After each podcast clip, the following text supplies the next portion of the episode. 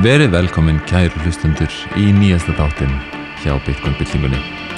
Bálkahæðin er 721.066 og fyrir eina íslensku krónu færði 20 sats. Þannig í dag hefur sjaldan verið öðvöldra að reikna út hvað tækifæraskostnæðin er af kaupunniðinu. Þú þarf bara að reikna fyrir hverja krónu sinni 20 þannig super easy. Í dag ætlum við að vera með skemmtilegan þátt og góða pælingar. Um, við höfum áður rætt um Lightning Network eða leifturnetið og hvað möguleika það hefur í förmið sér hvernig að, hvernig að byltir greiðslumiðlun. En okkur langar svolítið að færa dag hvernig leifturnetið getur mögulega byllt um, í raun og veru svona kvartningakerfum á netinu og, og byllt uh, það sem kallast svona monetization. Einmitt, sérstaklega þá fyrir fyrir efnisskapendur content creators. Akkurát og við erum sagt uh, það kom út grein það var held ég bara í loka ásins 2021 sem að Gigi hinn fræði bitcoiner gaf út grein sem að heitir The Freedom of Value. How Value for Value Fixes the Monetization of Information. Og þessi grein hún fjallar, hún fjallar ekki beint um Bitcoin eða Lightning Network þannig séð. Hún er meira bara að fjalla um sko hvernig um, internetið er í dag hvað varðar hvernig notendur greiða fyrir content talar um vandamálin sem að eru þá fyrir bæði þá sem er að skapa efnið og líka fyrir þá sem er að uh, horfa eða neyta ef, efnisins. Og hann er svona pínlítið að, að velta fyrir sér hvernig þróunin mun gæti átt sér stað uh, hvað varðar hvernig fólk á eftir að neyta efnis á internetinu í framtíðinni og hvernig efniskapendur eiga eftir að, að uh, breyta í raun og veru áherslum sínum út frá sagt, hætta að hugsa svona mikið um plattformin sem að þau eru að uh, miðla efninu sínu á og skapa algjörlega út frá ein, ein hjarta. Akkurat. Og þetta er um, þetta eru mjög áhugaverða pælingar og, og hann fer svona út í veist, vandamálin sem eru til staðar í dag við þessi kvartningakerfi uh, þá sérstaklega við við upp sem að um, eru oft frí.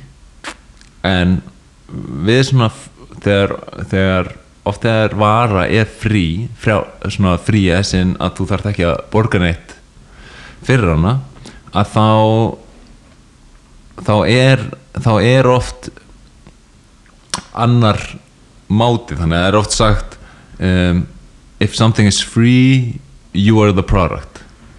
Einmitt. Og þetta var svolítið vel við uh, í dag og mörgum svona samskipta forritum þar sem að þú ert í raun og vera að fá eins og frjálsar upplýsingar ef við nefnum til dæmis TikTok eða, eða YouTube til dæmis en á móti þá er verið að um, græða á því að selja upplýsingar um þig. -hmm.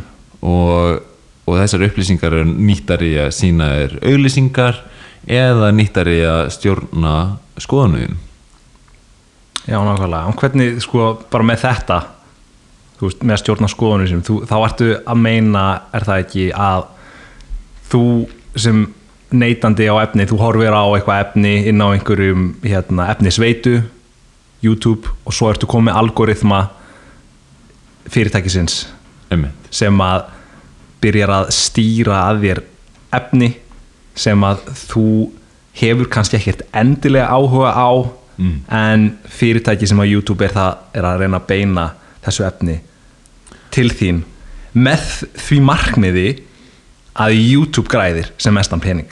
Akkurat. Og þetta er, þú veist hann kemur með dæmi um að, að sko að þetta ætti að vera sko win-win-win situation þannig að fyrirtækið á að vinna content creatorinn á að vinna og, og neytandinn á að, að vinna á því að um, hann er, hann er að fá fríar upplýsingar. Já, hann er að fá fríar upplýsingar. Uh, content creatorinn er að fá greitt fyrir að búa til upplýsingarnar. Og til dæmis auglýsingaðalinn hann er að fá auglýsingarnir sínar á réttan það. Og þetta virðist allt svona já, þú veist, þetta virðist allt vera gott og blessað. En síðan þegar maður fyrir að kafa svolítið dýbr onni í þetta, það sér maður hvernig þetta hvernig þetta kvartningarkerfi eh, þessi, eh, þetta incentive struktúr á þessu kerfi er gallaður að því leiti til að hann svolítið svona hann skiptir okkur svolítið upp í upp í fylkingar og, og markmiðið hjá um, hjá þessum miðlum eru ofta að halda aðteklinniðinni eins mikið þeir geta. Ég tala, tala um sko the attention economy meiri segja sko. Einmitt. Að það er bara mest virðið er fólki í því að halda þér inn á Halda- plattforminum já. og leiðir til að halda aðteklinniðinni eru oft að, að koma með svona eru, eru oft til að eru oft notar í að koma með svona eh, hvað ég segja, bara svona krassandi upplýsingar sem að sem að svolítið svona radikalæsa þig á, á einhvern veg. Einmitt. Og bara sem dæmi um það bara hann tekur svo dæmi um TikTok uh, og hann orðar þetta svo skemmtilega sko veist, hann, hann segir TikTok is a video based dopamine machine that will show you the motion picture equivalent of heroin mixed with crack cocaine. Hard drugs for the mind custom tailored to your particular likings. A truly cursed app. Og sko málið er bara að þú veist maður hérna getur dottið í svona um, hvað maður að segja áhorfs svartól þar sem maður er bara fastur inn á miðlunum og er þetta ekki bara gott fyrir mann skilur maður er að skemmta sér og, og, og ég veit ekki hvað og hvað. Sko hugmyndin er basically bara svo að, að þú ert ekki, þú gæti verið að nýta tímaðin betur að þetta er ekki efni sem að þú vilt endilega vera að horfa á. Og fyrirtæki eins og TikTok græðir á þessu með því að ebla sinn algoritma og, og, hérna á, á þinni nótkun og getur selt not, notenda upp, upplýsingarna þínar til the highest bidder basically. Já, og, þann, og þannig er struktúrun settur upp. Þannig að þannig að, að þannig heldur þetta kerfi áfram að rúla af því að það er verið að selja upplýsingarnar um þig. Og, og þar leiðandi þá, þú veist þar, þar, þar kemur svolítið svona gallin í þessu um, en ef við förum að spá aðeins í bara hvernig væri hægt að, að laga þetta að þá er það meira að hugsa að í staðin fyrir að, að struktúrin sé þannig að þá er þetta þá er það notandinn sem að greiðir fyrir þær upplýsingar sem hann er að neyta Beint, meinar beint. Já. ef hann ef hann líka við það sem hann var að, að neyta mm -hmm. um, og væri kannski já, kannski fara, fara bara beint í það eða- getum alveg gert það sko. Þetta er náttúrulega bara tillin á greinin er, er þetta kerfi sem hann er að leggja upp með sem svona framtíðar struktúr, value for value. Einmitt og hann tekur þess að dæmi um að eh, svona líkir þessu við uh, svona busking. Eins og þú veist þegar þú ferð út á götu og það er götulistamæður að búa til efni. Mhm. og ef þú vilt að sá aðili haldi áfram að spila lægið sem að þér líst vel á þá henduru pening í hattin einmitt. En þú getur valið um að, að hérna, hlusta og lappa í burtu ef þú vilt það. Þannig að valdið er pínlítið sett í hendur neytandans eiginlega 100% akkurat. Og þetta er svona meira orðið svona hugmyndum að svona bara good karma eða ég veit ekki hvernig maður á að orða það sko. Bara með að þú þú hendir pening í ef, að- ef að þeir líst vel á það. Já, og þú veist, það er náttúrulega erfitt maður hugsa svona, já um, það er erfitt að ímynd sér þetta því að þú veist, svona busking á, á yfirleitt við bara svona uh, þú veist tónlistamenn sem er að spila út á götu þeir eru ekki að fá mikið greitt skiluru og na, þetta er oft svona, svona struggling tónlistamenn sem takast það að sér -hmm. en þetta er ekki, þú veist, þetta er bara smá líking við það, af því að þeir eru komið með möguleikan á microtransactions, þess að þú ert ekki að senda um að brota brota af þú veist, kannski ég segja bara krónu og, og dreifir það sérna yfir allan heiminn, skiluru -hmm. og þá færðu þá færðu að hlæra mynd á þetta. Einmitt. Og að, að þetta sé eitthvað sem að, sem að getur mögulega virkað og er að virka. Uh, gott dæmi um að það sé að virka er þetta podcasting 2.0 sem við höfum talað um og, og Bitcoin byltingin er á öllum podcasting 2.0 miðlum en hann Adam Curry sem er oft kentur við að vera the podfather father er, er, er sem að hvað því, hvað því? Það er bara svona, hann er uppásmaður pod, podcasting. Einmitt. Og hann ein, að, sá fyrsti sem byrjaði byrjaði svona podcasting. -hmm. og hann er núna komin alveg út í þetta podcasting 2.0 og hans um, hans svona fyrirtæki eða það sem hann er að vinna með er einungis að að græða pening með því að vera með svona value for value model. Þar sem að fólk uh, strí, streymir til hans sats eða sendir hún beint fyrir efni sem hann býr til. Einmitt. Og þannig þetta er svolítið, veist, það sem að við erum að reyna ímynda okkur er að, er að getur, veist getur þetta virka fyrir meira en podcasting? Getur við séð, veist greinar skrifaðar með value for value í huga eða getur við jáfnvel séð tónlist vera að gera það eða jáfnvel bíómyndir? Nákvæmlega og raun og veru bara, bara allt. Bara ímyndaðir að þú sért bara hvernig þú ert að nota internetið í dag. Af hverju ættiru ekki að vera að bara stríma payments fyrir hverja einustu hvert einasta áhorf já, á hvað sem er í raun og veru sko. og ef þú værir ekki að borga fyrir það segjum og ferð inn á einhvern fréttamiðil. Mm. þetta er inn á vísi.is þá ertu auðvitað með auglýsingar inn á þeim miðli. Þannig að þá ertu basically með en það, já, svona, nú er ég bara að hu- hugsa upphátt sko, mm. þannig ertu með svona stórt fyrirtæki kannski, vísi.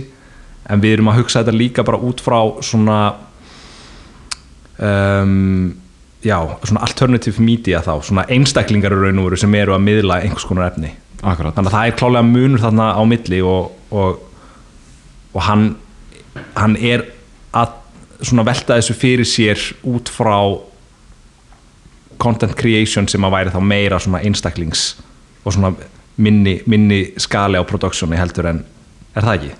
Jú, ekkert endilega samt. Við, þú veist, þetta er náttúrulega bara byrjunin á nýri byltingu sem er, er að fara í gang og við erum bara að sjá fyrstu use casein fyrir það núna. Já, einmitt. Hvernig það verður eftir tíu ári eða meira er eftir ímynd sér en ég, ég myndi halda að þetta væri mögulega bara framtíðin í sem sagt peningavæðingu eða monetization á internetinu. Þetta er góður punktur sko.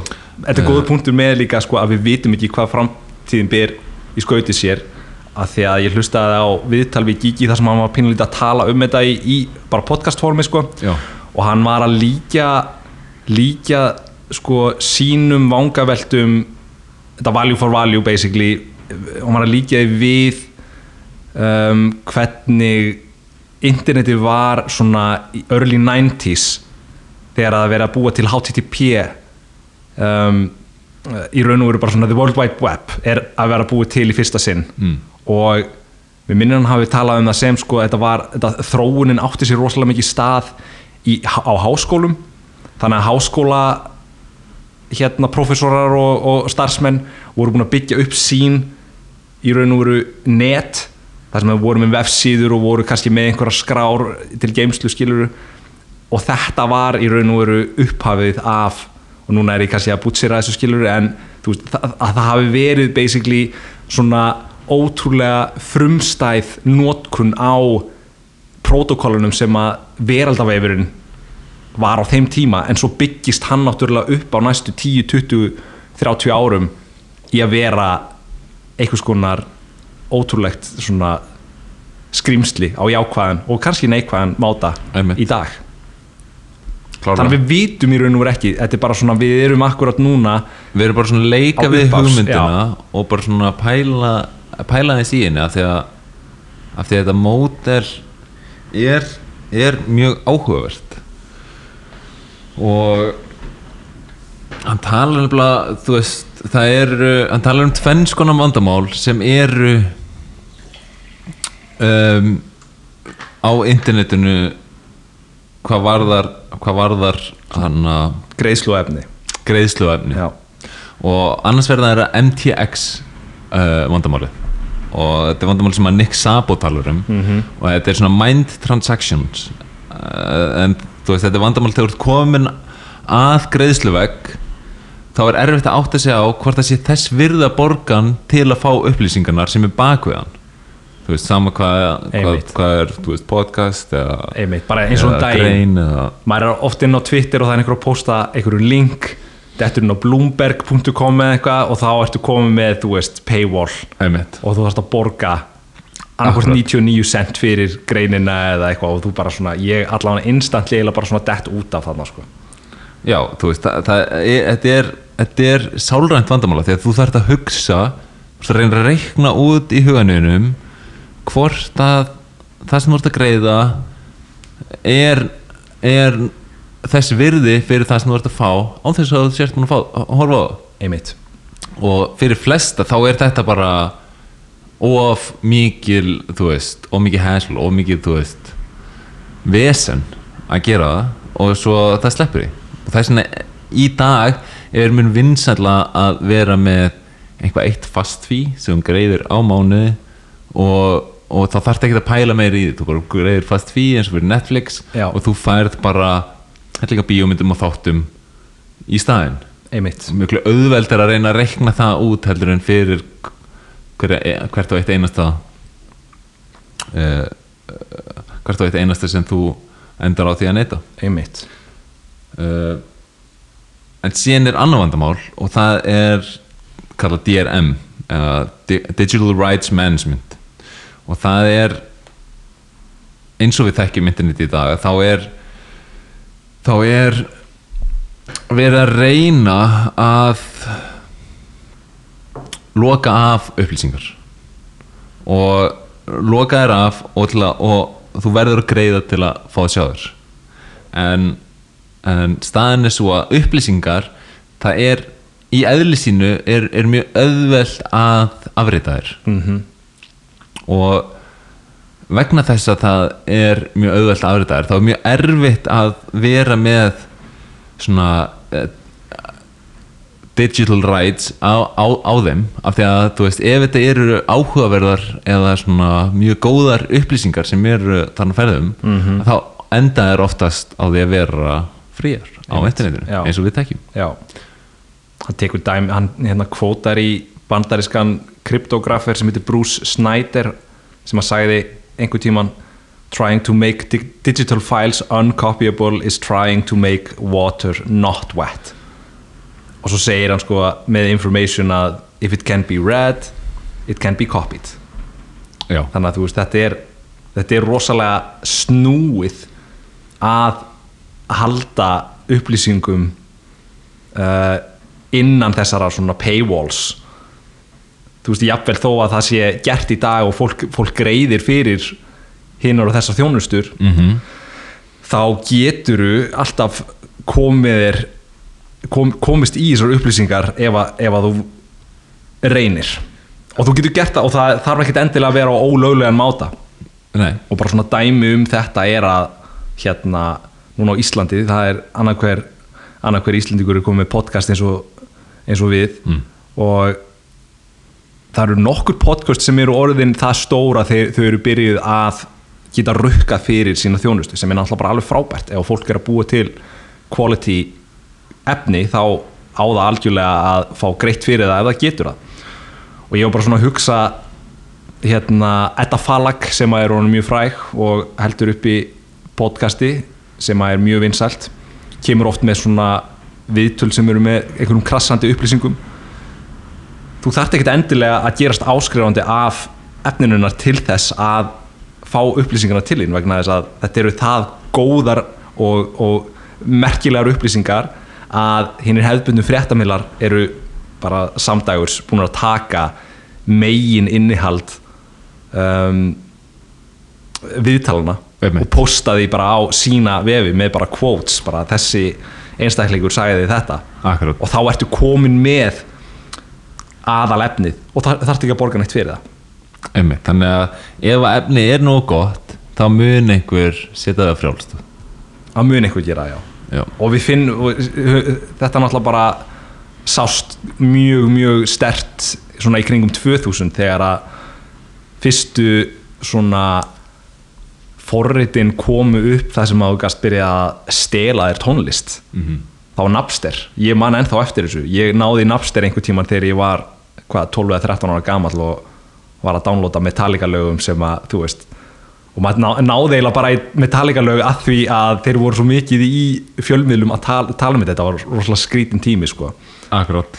En svo þróast þetta rosalega mikið sko, og það verða til alls konar lausnir sem að eru þannig séð ekki ólöglegar per se, bara tökum eins og torrent. Torrent er bara protokól sem að er sem að auðveldar fólki að deila skrám og, og hérna, á, sín á milli. En svo er þessi protokól notaður mjög mikið í að deila upplýsingum á ólöglegan máta. Þannig að það er að fara onni svona onni þessi mál. Sko, mér finnst eitt áhugavert sem þú sagði með upplýsingar er, er að þú veist, upplýsingar eru allt öðruvísi heldur en til dæmis físíski hlutir. Af því að ef að, ef að við erum með físíska hluti og þú ert með einn og ég- með einn -hmm. og við skiptum á þeim þá endur við sitt hvor með hlut. Einmitt. En upplýsingar eru öðruvísi á þeim tóka ef, ef ég er með upplýsingar og þú ert með upplýsingar og við skiptum staðum mm Mhm. -hmm. þá erum við báður konum með tvær upplýsingar og það er mjög fundamental munur þannig á milli. Mm sem að gera það að verkum að, að veist, það er mun svona betra að vera með upplýsingar fríara því að kostnæðurinn við að afrita er, er engin einmitt. Og hann segir sko information wants to be free. Já, þetta er bara svona eðli upplýsinga er að verða já, í raun og veru ókipis emmitt og ef einhvað vill vera frjálst þá á þá á nógu löngum tímaramma þá mun það vera það. Einmitt. En en hérna en með hérna til dæmis hérna, DRM DRM-ið uh, hann tekur dæmi um sko, það, þetta er eitthvað sem maður verið aldrei núna að, að experimenta með í uh, innan gæsalappa kryptoheiminum skilurum með NFTs Akkurat. það sem er verið að reyna sem sagt, DRM sem, sem að stendur fyrir Digital Rights Management þannig bara verið að reyna að búa til einhvern mekanisma sem að gerir þér kleift að eiga upplýsingar án þess að þær séu uh, uh, deilanlegar. Mm og bara dæmi, þú veist að að það er mjög frækt í NFTs, þú ert með þessa hana apa, myndir af öpum. Og ég, ég séð eh, fólk vera að bera rauk fyrir því að þetta sé algjörlega málið. Og ég skil algjörlega hvaðan fólk er að koma því að það hérna, þetta er basically bara sama vandamál og við erum að ræða um núna. Um, content creators, efnisskapendur eru svona það hallar á þá hvað varðar að fá borgun fyrir efni sitt. Og þetta er pínlítið svona leið til þess að reyna að sjá hvort að efnisskapendur geta grætt pening á mekanisma sem að kallast NFT eða non-fungible tokens nema hvað að, að það eru margi búin að já, bara koma með dæmi um hvernig þetta meika náttúrulega ekkert sens. Þú getur auðveldlega hérna bara ítt á bara right click og save á myndina af abanum sem að þú ert búin að kaupa kannski fyrir miljón krónur skilur eða þú veist, hundrað ég veit ekki, Ethereum eða whatever. Já. Þannig að þetta er svona Já, eh, þú veist, margir hafa verið að svona uh, lofa NFTs fyrir það að vera ný bylting fyrir listamenn til að græða á listinu sinni. Einmitt. Og maður kenniði mikið um það, veist. Það hefur oft verið erfitt fyrir listamenn að að græða á henni. Mm, en ég sé svolítið NFTs vera meira þú veist, vera minna fyrir listamennina og meira fyrir þá sem er að spekuleita á listina. Þú veist, listamæður selur kannski NFTs NFT en, en þegar hann er búin að því þá, þá helst myndin áfram að vera uh, skipta á milli notenda sem er að treyta í mörgum tilfellum fyrir 100 miljónu eða ekki miljardar króna. Einmitt. Og uh, listamæðurinn fær ekkert endilega neitt fyrir það, það þó að sé oft sett inn í svona smart contract að hann fær ákveðu prósentu af hverju kaup og sölu. Mm en að hugsa þá frekar að, að í staðin fyrir að hann gefur út NFTs og gefur einhverjum exclusive svona ownership þó raun og veru að þýði lítið allavega okkar hérna, af okkar svona áliti að, að svona NFT þýði lítið að, að í, hvað var það ownership á því mm, það getur hver sem er kopjað og og þú, þú átt í raun og veru engan þannig sé rétt á myndinni. -hmm. að þá hugsaði frekar þannig að ef listamæður er að búa til list og, og fólki líkar við hana þá, þá er fólk meira bara að, að donata til, til listamannsins og, og gefa honum uh, senda á hann sats Mm um, fyrir, fyrir það sem það er að fíla. Fær valjúr í listinu og, og sendir, sendir valjúr tilbaka. Um, Þannig fór ég pínulítið að, hugsa, að því að þú veist ég skil þetta konsept algjörlega og ég sé þetta alveg svona verða að veruleika. Þetta er þannig séð, þú veist þetta er hægt í dag bara með til dæmis greinin hans Gigi, hann er að tala um þetta að, að neytendur ættu bara að borga uh, efnisskaparunum strax fyrir efni sem hann er að horfa á og hann þú veist, kemur bara með hérna lightning hérna takka í miðri grein og bara if you like this article you can help me og bara borga strax skilur einmitt. Og sé, þú veist þetta, þetta er þannig sé hægt í dag og, og það verður áhugavert að sjá hvernig þetta þróast hvort þetta muni svona pikka upp og verða algengara að sjá. En ef að þetta verður pínlítið normi þá fór ég að velta fyrir mér bara með svona eins og svona micro markets eins og Ísland. Ég skil alveg hvernig svona online busking þar sem að ef við tökum aftur þá myndlíkingu þar sem þú ert með einhvern götulistamann og er að fá borga í hattinn sinn nema það að þú ert uh, á, frægur og á, á alþjóðlegan hérna á alþjóðlegum vettvangi þá ertu náttúrulega með miklu miklu fleiri einstaklingar sem eru að horfa á efnið þitt og þá verða fleiri sem eru að borga þér en tökum sem dæmi bara eins og Ísland skilur er, hér, er, hér eru við með líti, litla þjóð tölum tungumál sem að enginn talar og eru með gríðarlega upplugt listalíf hér á landi í dag en, en bara svona meikar þetta sens fyrir okkar örmarkað. Góð spurning. Og ég held að einhverju leiti þá kannski með eitthvað sens að einhverju leiti gera það ekki það sem ég erum samt að tala um hérna er nýtt trend í því að að hérna að græða pening á upplýsingunni mm Mhm.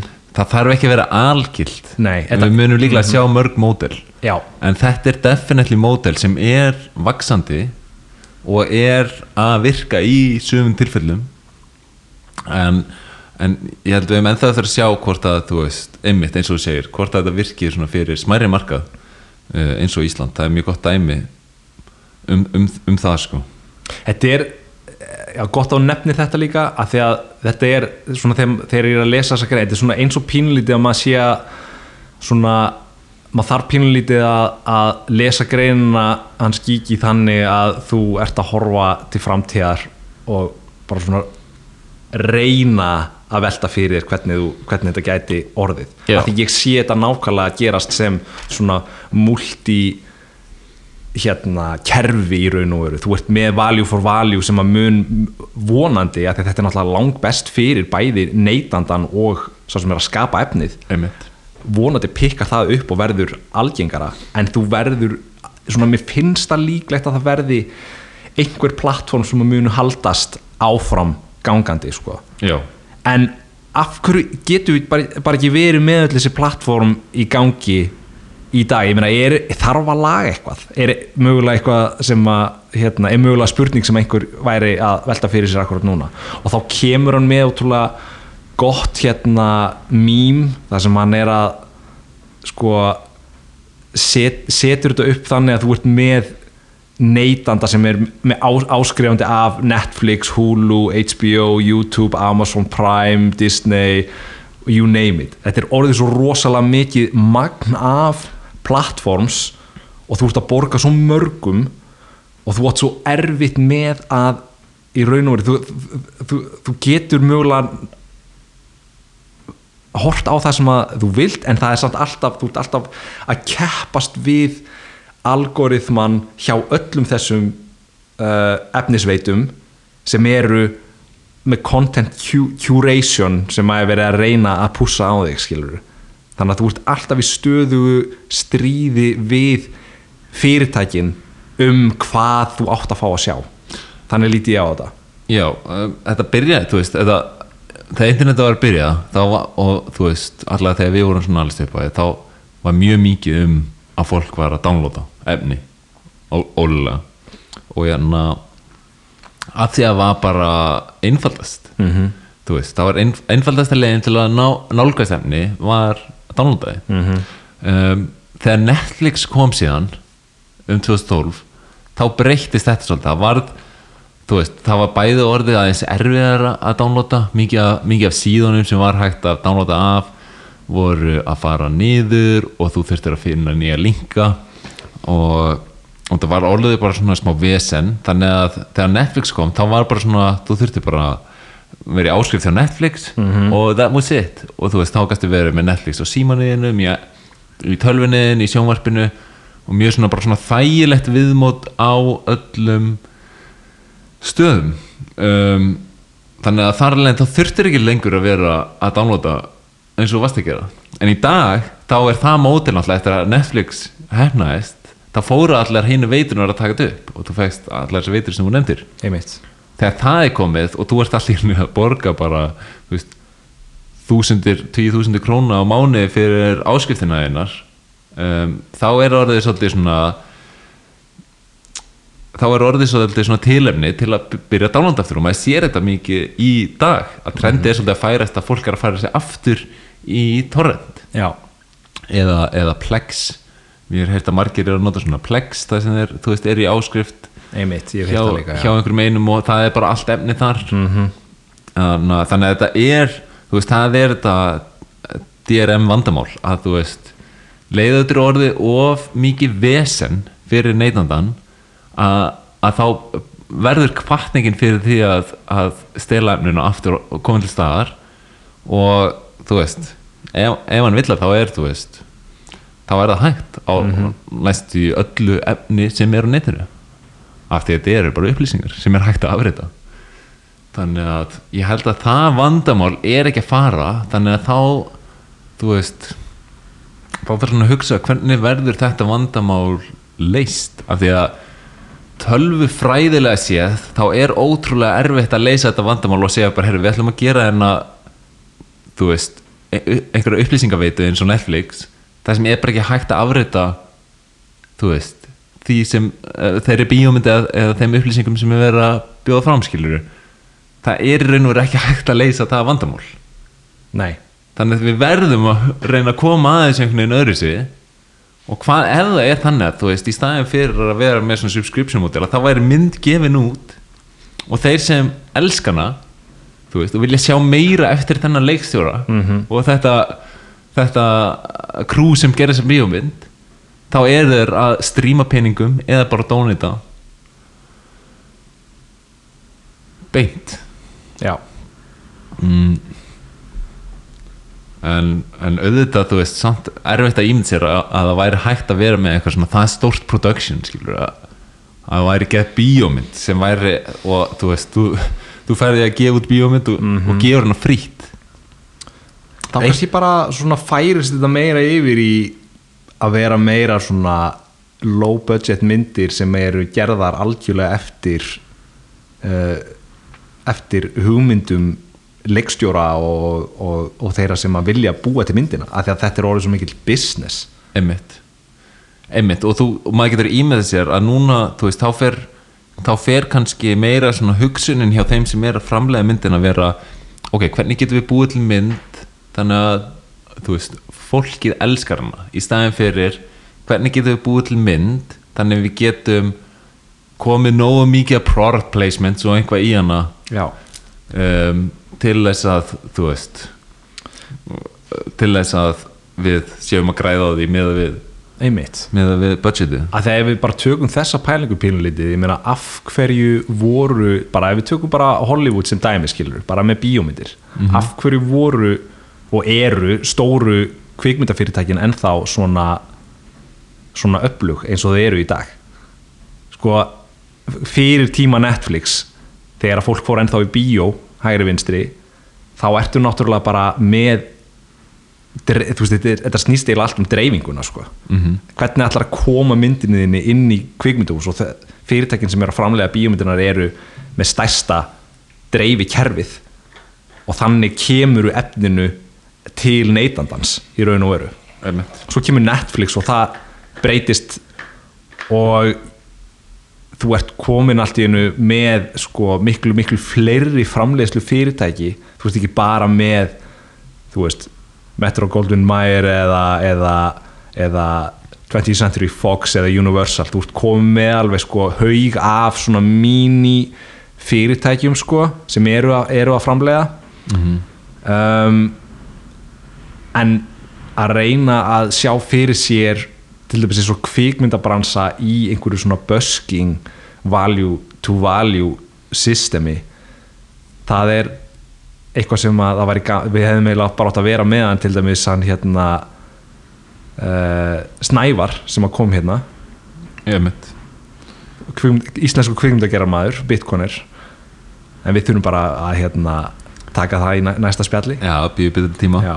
Um, En mér finnst mjög áhugavert hvernig það bara svona eh, þú veist, realignar the incentives. Að þú veist, allt í einu er þetta orðið fyrir þú veist, skaparinn á, á þessum upplýsingum. Hann er farin að reyna að búa til valjú fyrir áhorfandan en kannski ekki fyrir ekki fyrir einhverja aðrar, aðrar ástæður.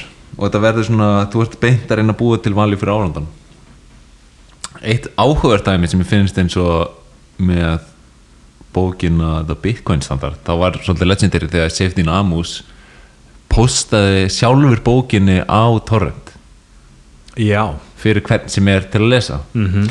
og þú veist, þú gætir alveg búið rauk fyrir því að það gerði bókina vinsælli, af því að hver sem er nálgast hana -hmm. þeir sem elskuðu hana, þeir voru tilbúin að kaupa, þú veist eintakavinni og gefa vinsinum og þú veist, margir kaupa bara hundruð eintaka þessari bók til að gefa hana, gefa hana áfram. Einmitt. Um, en bókin er frí á torrent ef þú vilt það. Mm -hmm. þannig að þetta er svona líka pæli því að þú veist ef þú ert með upplýsingarna einar fríar að þá nærðu til stærri hóp fólks. Nákvæmlega. Og, og þar leðandi aukast möguleganiðinir á að að þú veist græða á því. Að skila, og að skilabóðið sem þú ert að reyna að koma á framfæri heyrist.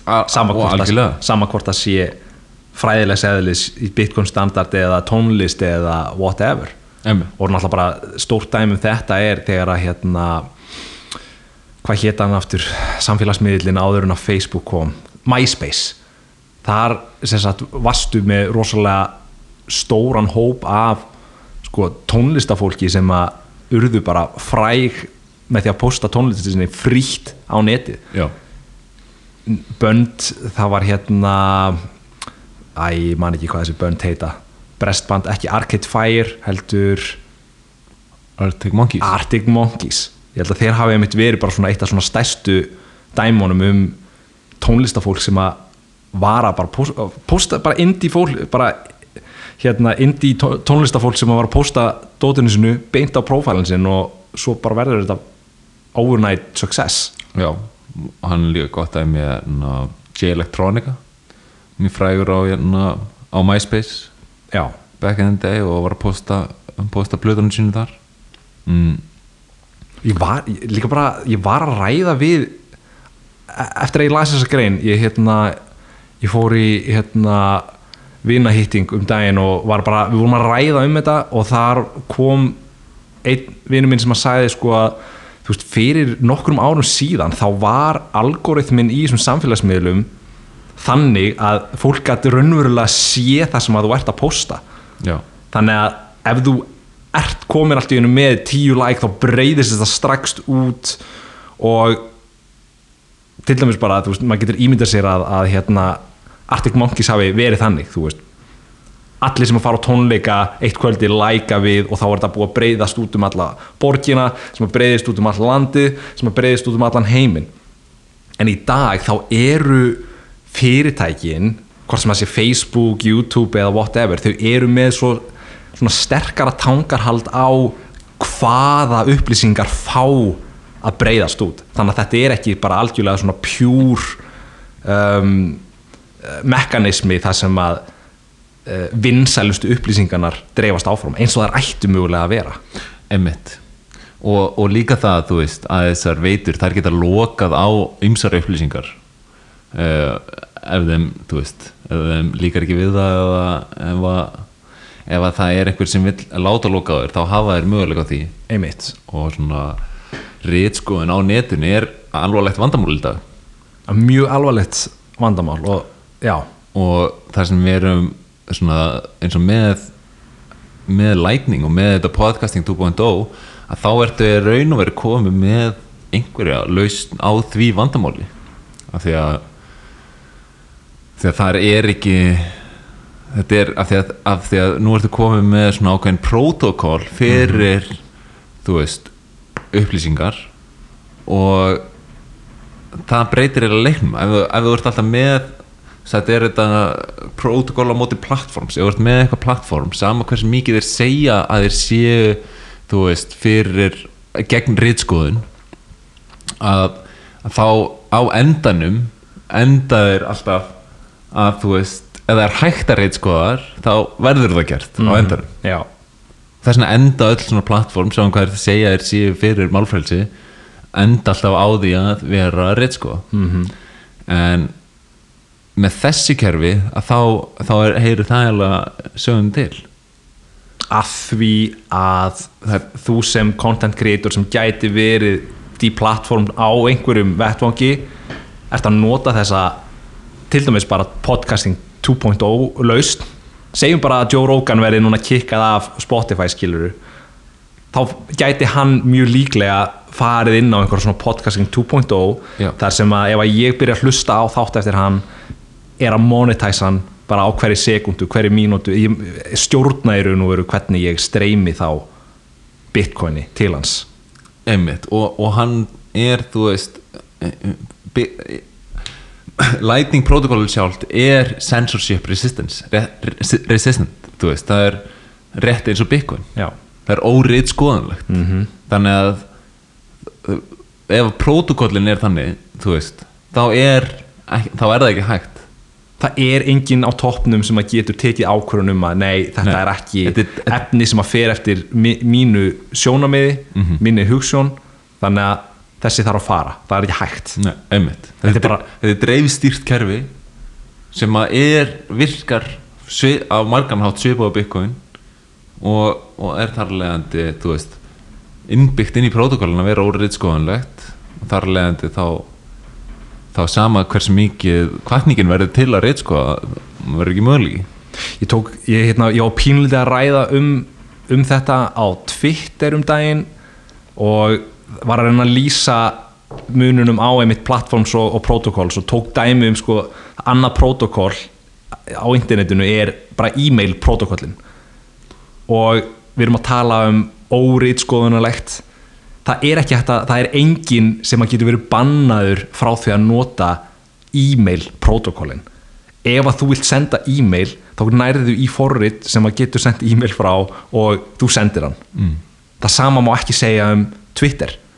Ef að Donald Trump ætlar að fara inn á Twitter í dagskilur þá getur hann það ekki af því að það er Nei. búið að taka ákvörðun um að banna hann frá því að nota þann miðil. Og sama hvers, hverja skoðunur þú ert um Donald Trump eða ekki þá ertu bara með skýrt dæmi um hvernig fyrirtækin sjálf geta tekið afdrýfaríkar ákvarðanir um hvað má heyrast inn á þessum plattforms Já. en protokollin eru óriðskoðunuleg Já, og þess vegna finnst maður að vantar í raun og veru einhvern svona protokól fyrir eins og Twitter, þú veist. Þannig að það væri undirlíkandi protokól sem að, sem að, þú veist, fleiri en Twitter gæti byggt ofan á.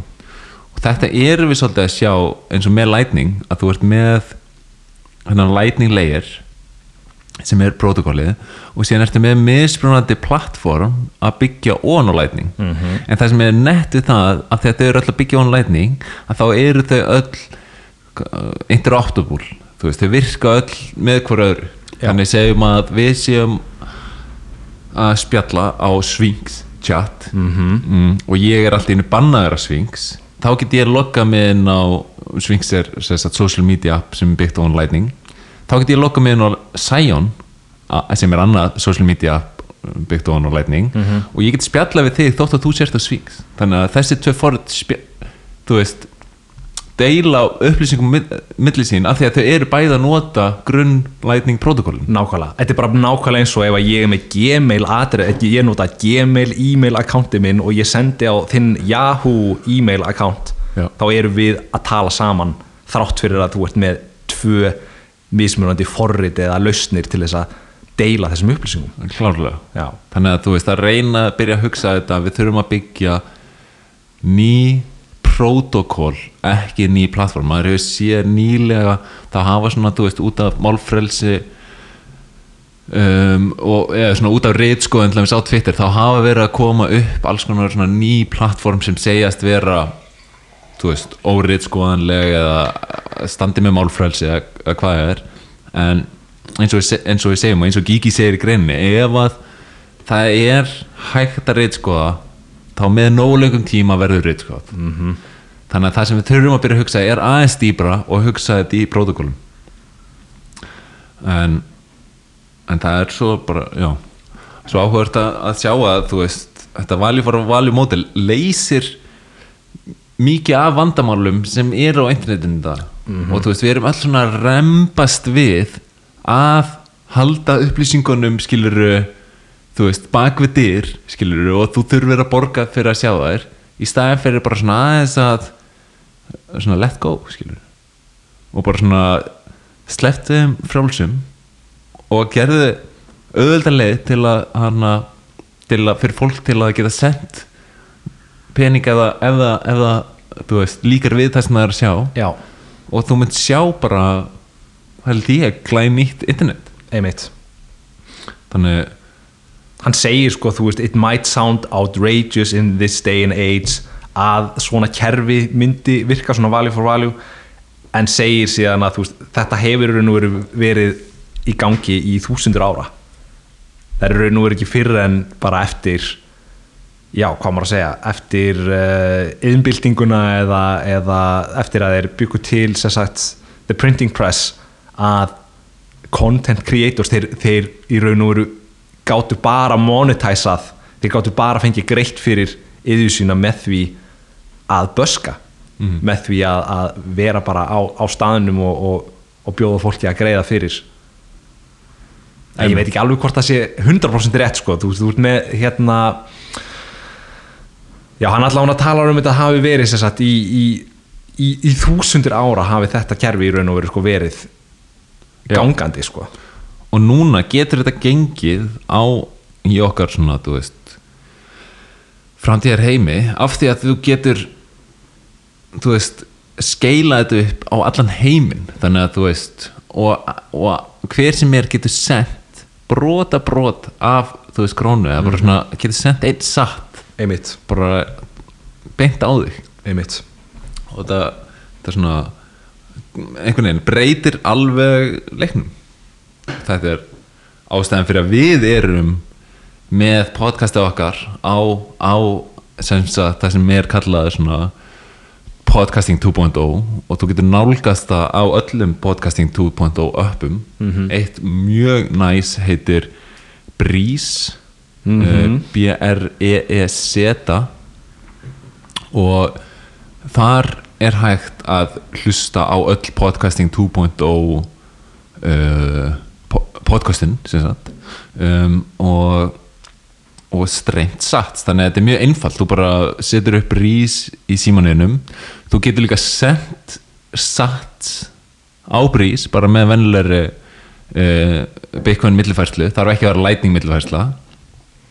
Og síðan þegar þú ert komið með satsanæðin þar þá getur þú byrjað bara að streyma satt eða, eða ge- gera það sem kallast boostergram og þá kannski boostaru hérna sendir, þú veist, bölk af sats 100 sats eða eitthvað í einu og sendir message með einmitt. Þannig að það er kannski eitthvað sem við myndum byrja með okkar app eða með okkar podcast er að þú veist, ef, ef að hlustendur hafa einhverja spurningar þá getur það til að með senda okkur að boostergram með, með spurningunni sem að við svörum síðan í lóknæsta þáttar. Eh, tökum bara sem dæmi. Það er briljant þetta er bara svona ein hugmynd því hvernig er hægt að, að setja þetta upp. Kannski tæknilega eðli sem bara hvað les maður þá ef að, ef að hérna ég þú veist vinur minn sendir hérna sats hvernig lesum við þá skilabóðið það kemur þá inn í sem sagt brís akkántinum okkar eða já, eða, eða í svona lightning accountinum já, já, já. lightning accountinum okkar sem, sem er tengdur við sem sagt sem er settur upp með, með þessu podcasting 2.0 apparati þetta er briljant, þannig að þú getur sendt þá an, og að því að eðli Bitcoin og, og Lightning Network auðvitað er að þetta eru nafnlausar sendingar Akkurat. þá sendur í raun og veru 100 sats og með skilabóðum þannig að þú getur ef að sælabankastjóri hefur einhverja spurningu til okkar skilur af hverju eru þið svona leiðilegi við ok- okkur hérna í sælabankanum þá geta, þá geta þessir aðeila sendt nafnlaus skilabóð Mhm. þetta er algjör snild þetta er algjör snild og, na, og, og einhvað sem við gætum mögulega setja upp á næstunni og allavega bara byrja svona þú veist að ímynda sér og, og setja upp leiðir sem, að, sem að eru byggðar á þessu nýja kerfi. Og þetta eru allt náttúrulega mjög spennandi tímar en þú veist, það er ekki bara peningakerfi okkar sem er ónýtt það er líka svolítið hvernig við erum að hagnast á upplýsingum á já, og þetta er, hefur sínt sig í dag þetta er að búa til mjög þú veist, út af þessu attention economy og þá er, er það bara þessi eðlis að þú veist til þess að halda aðteglinni þá ertu svolítið svona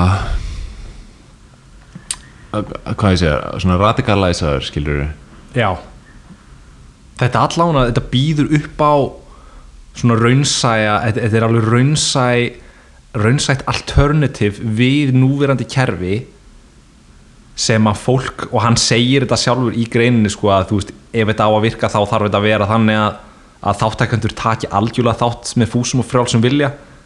Bara eins og Bitcoin kerfið er þetta er hérna non-violent system sem að þáttækendur þeir koma í án þess að vera hérna coerced into it skiluru og þetta er sem sagt alternative sem að make a sense fyrir sko uh, content creatora að þeir fá greitt fyrir þetta fyrir neytunduna að þeir eru að fá efni sem að þeir raunverulega vilja fá í hendunar og þetta er líka sko, þetta lokar fyrir censorship sem að er neikvægt held ég í, öll, í, svona 99,99% tilveg, tilfella skiluru er og þetta er líka möguleiki fyrir sko bara advertisement af því að núna bara meðan ég er að hugsa um þetta uh, þú getur verið með auglýsingu í appinu þínu skil, eða í podcastinu þínu skiluru mm.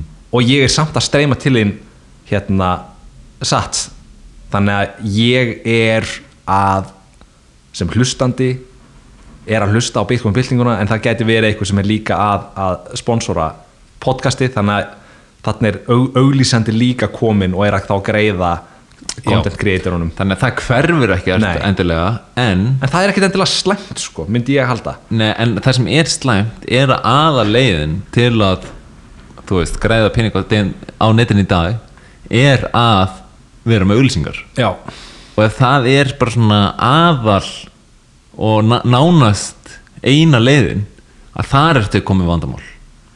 Einmitt nákvæmlega. En leður komið með fleiri þætti inn í þetta að þá verður þetta svona meira svona margþætt og, væntanlega heilbreyðara Já, að því að í núverandi kerfi þá svona you have to play by our rules. Exactly, eða þú ert bara A- annars fær ekki að taka þátt. Nei, og þess vegna setur þetta svo mikla pressu á efnisskapandan að búa til efni sem að er innan sem er í lagi. sem er í lægi og þótt svo að hann, þú veist þótt svo að hann kannski um, gerir efni, þú veist ah, hvernig er þetta, þú veist oft þá, þá er tekið niður efni sem er, þú veist að kannski auðlýsingaðalum finnst óviðandi mm uh, og það er, það er einn þáttur af, af svona reitskoðun en þá byrja líka aðilinn sem er að búa til efnið að reitskoða sjálfan sig og hugsa, hei kannski ætti ég ekki að gera þetta. Því gætu tekið þetta niður og algjörlega það er mjög alvarlegt vandamál. Og þú ert að byrja að limita uh, content creators á því að þeir eru að fara niður svona það sem kallast self-censorship. Einmitt, eða reitskoða sjálfan sig út frá því hvað þeir halda að þeir megi eða megi ekki gera. Algjörlega. Og hérna, bara svo ég bendi á það hérna erum við ekkert endilega bara að tala um sko tónlistafólk eða eða hérna bladamenn eða annað, þú ert að tala bara um venjulegt fólk sem er með Twitter-account og er kannski, segjum að þú sért með hérna, sömu pólitísku skoðunar og, og Donald Trump. Það, ef hann er rekin af plattformunum, þá ert þú þá er það letjandi fyrir þig að deila þinni skoðun.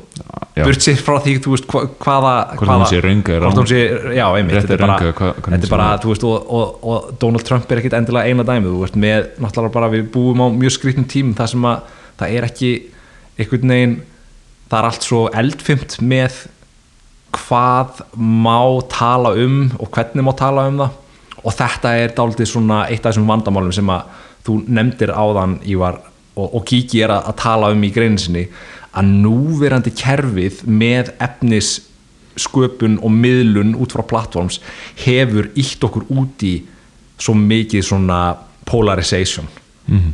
það sem að það er bara þú veist bara við tölum ekki um að við setjum mjólk í kaffi okkar hérna skilur vertu úti vinnur og það er bara, það er ekki lægi einhvern veginn og það er, það, er ekki lægi að vera að, að, að rífast um sumar hluti sem að fyrir kannski tveimur þeirri mjög áratugum hefur bara verið talið vera eðlileg umræða skilur Einmitt. og mér þykir allavega þessi þróun vera mjög, mjög vafasum og er, er hrættur um málfrelsi til framtíðar. Já, eða ég væri hrættur um það ef það væri ekki fyrir þessar alternative lausnir sem að eru núna að brjótast upp á yfirborðið. Eins og við erum að fjallum með value for value.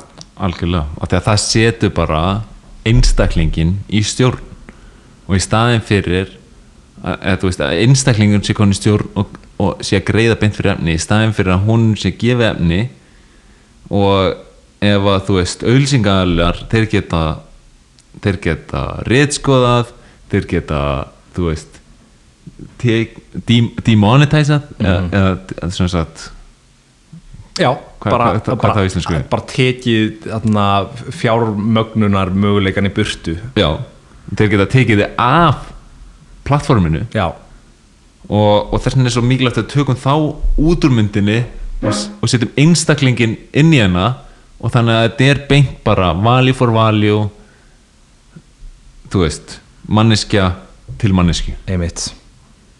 Þetta er ótrúlega skemmtilegt að hugsa um þetta. Klálega. Mér hérna ég var, að- ég man ekki hvort að ég var að hlusta á Alan Watts eða eitthvað fyrir mörgum árum, ég gleymi þessu einhvern veginn aldrei sko, hvað var sagt, ég bara man ekki nákvæmlega hver sagði það, en það var sagt eitthvað á þá leið að um leið og þú segir barni að hluturinn sem að er upp í loftinu og er að fljúa heitir fugl þá er barnið einhvern veginn búin að missa galdurinn yfir því hvað það er að horfa á. Þannig að um leiður búin að setja einhvers konar leibel á fyrirbæri sem að eru í þín, þínu umhverfi þá ertu strax búin að þrengja sjónsviðið á hvað þú ert í raun og veru að upplifa. Þetta er svona smá, svona, smá psychedelic pæling í kringum þetta. En sko, við vitum ekki eins og hvaða fyrirbæri internetið er. Veist, þetta er bara þetta er, þetta er hérna fyrirbæri sem er í stöðugur þróun og við vitum ekki nákvæmlega sko, hvað er þetta einhvers konar svona human hive mind hérna uh, vél sem við munum halda áform að nota til framtíðar uh, eða hvað. Og þetta hérna er náttúrulega bara svona pínlítið svipað finnst mér. Við vitum ekki nákvæmlega hvað þetta er sem við erum að fjalla um að, að við vitum ekki hvað framtíðin ber í skauti sér. Við, við, við, við vitum í raun og veru bara sko hvernig er hægt að sjá fyrir sér að þetta geti þróast en svo, svo verður þetta einhvern veginn í, í framtíðinni. Já, og mér þykir þetta svo skemmtilegt að því að ég held að það verði hægt að hlusta til dæmis á þetta podcast eftir 20-30 ár og, og sjá value for value vera til í hérna í nótkun í raun og veru alveg eins og við erum búin að vera að tala um en, en þróun mun, mun vera allt öðruvísi. Klálega þannig að við, svona, punkturinn með þessu er að það sko er erfitt að setja eitthvað svona 100% label á þetta hérna þessa löst sem við erum að tala um og hún er í stöður þróun. Þess vegna höldum við í pínulítið opnu með hvernig þetta geti þróast.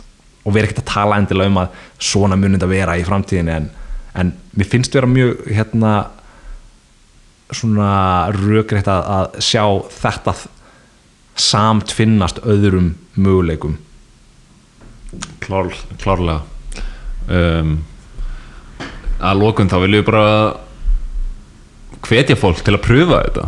Og þú veist, þessi, Mhm. þetta er super easy þú veist, þú bara ferðin á Breeze, downloadar því í þú veist, App Store hvort sem þú ert iPhone eða Android. Mm, færð upp app þar sem þú getur strax byrja bara að hlusta á podcast og nálgast podcast sem eru einungis hægt að hlusta á podcastin 2.0 eins og CT uh, podcastið með John Wallis. Um, setjum þetta í sjónóts já, eða uh, Bitcoin byltinguna og bara endilega hvetjum ykkur til að pröfa bara, þú veist, það sé ekki nema nokkur satt, bara pröfa streym og sjá hvernig þetta er að virka því að þú veist, oft þá lærir maður miklu meira á því að pröfa eitthvað svona heldur en að bara heyra um það. Og þá svona opnast kannski líka hugmyndir hjá manni sjálfum hvernig maður, hvernig maður gæti nýtt þetta eða, eða einhverju í kringum, kringum nákvæmlega. Og að þú nefndir það upp af þáttarins eitt hérna satt eru, nei 20, 20 satt eru ein króna. Einmitt. Þannig að hlusta á Bitcoin byltinguna henda á okkur 20 sats eða, eða svona getur strímað í gegnum hérna allan þáttinn, það er ein króna á okkur skilur Akkurat, við þurfum ekki meira. Bara klárlega. Þannig að þessi okkar þáttur eru allavega ekki minn einar. Enga auðlýsinga aðalega og við viljum bara hafa þetta frá okkur til hlustenda. En, en endilega þið finnið, fannið eitthvað valjú eða bara langar að prófa þessa nýju tækni að þá er það í bóði og bara hvetjum ykkur til þess algjör snild. Að því sögðu þá bara kveðið ykkur að sinni en við erum með mjög skemmtilegt line-up af við talendum í, bara á næstunni. Á næstunni. Við ætlum að vera grimmari í janúar en það bara eins og gengur að gerist maður er stundum daldi hægur á stað hérna byrð það er líka kallt úti og svona bara erfitt að koma sér í gang sko. Já, það er samt skemmtl- skemmtilegt ári í vendum og hérna. Við vorum með drullu fínt hérna Twitter Spaces í síðustu viku sem að gekk vonum framar og við munum mögulega halda áfram að, að hérna, fara, fara inn á það. Klárlega og mælum með að fólk fari bara inn á Twitter okkar og þar getur að hlusta á þáttinn um, næstu vikur allavega já við vorum að hvað, bara basically tala um verðþróunina og bara hvernig landið liggur í Bitcoin heimum þarna í byrjun árs 2022 Já, heitið þáttur hans var kauptu dífuna já, og þetta var við náðum botninum með, með, með þeim þætti. Vonandi, kannski, kannski kemur eitthvað kemur eitthvað dip á þetta já, já. Þetta kemur allt í tíminn ljós. leiðir, leiðir þetta allt í ljós. En við erum drullu búlis fyrir 2022 benda líka kannski á Telegram komið í þangaðinn, þar er aðal spjallið finnur okkur inn á appinu Telegram með því að leita að Bitcoin byltingin en annars eigum við ekki bara að þakka kjærlega fyrir og, og segja see you on the flip side. Já, var næst. Alright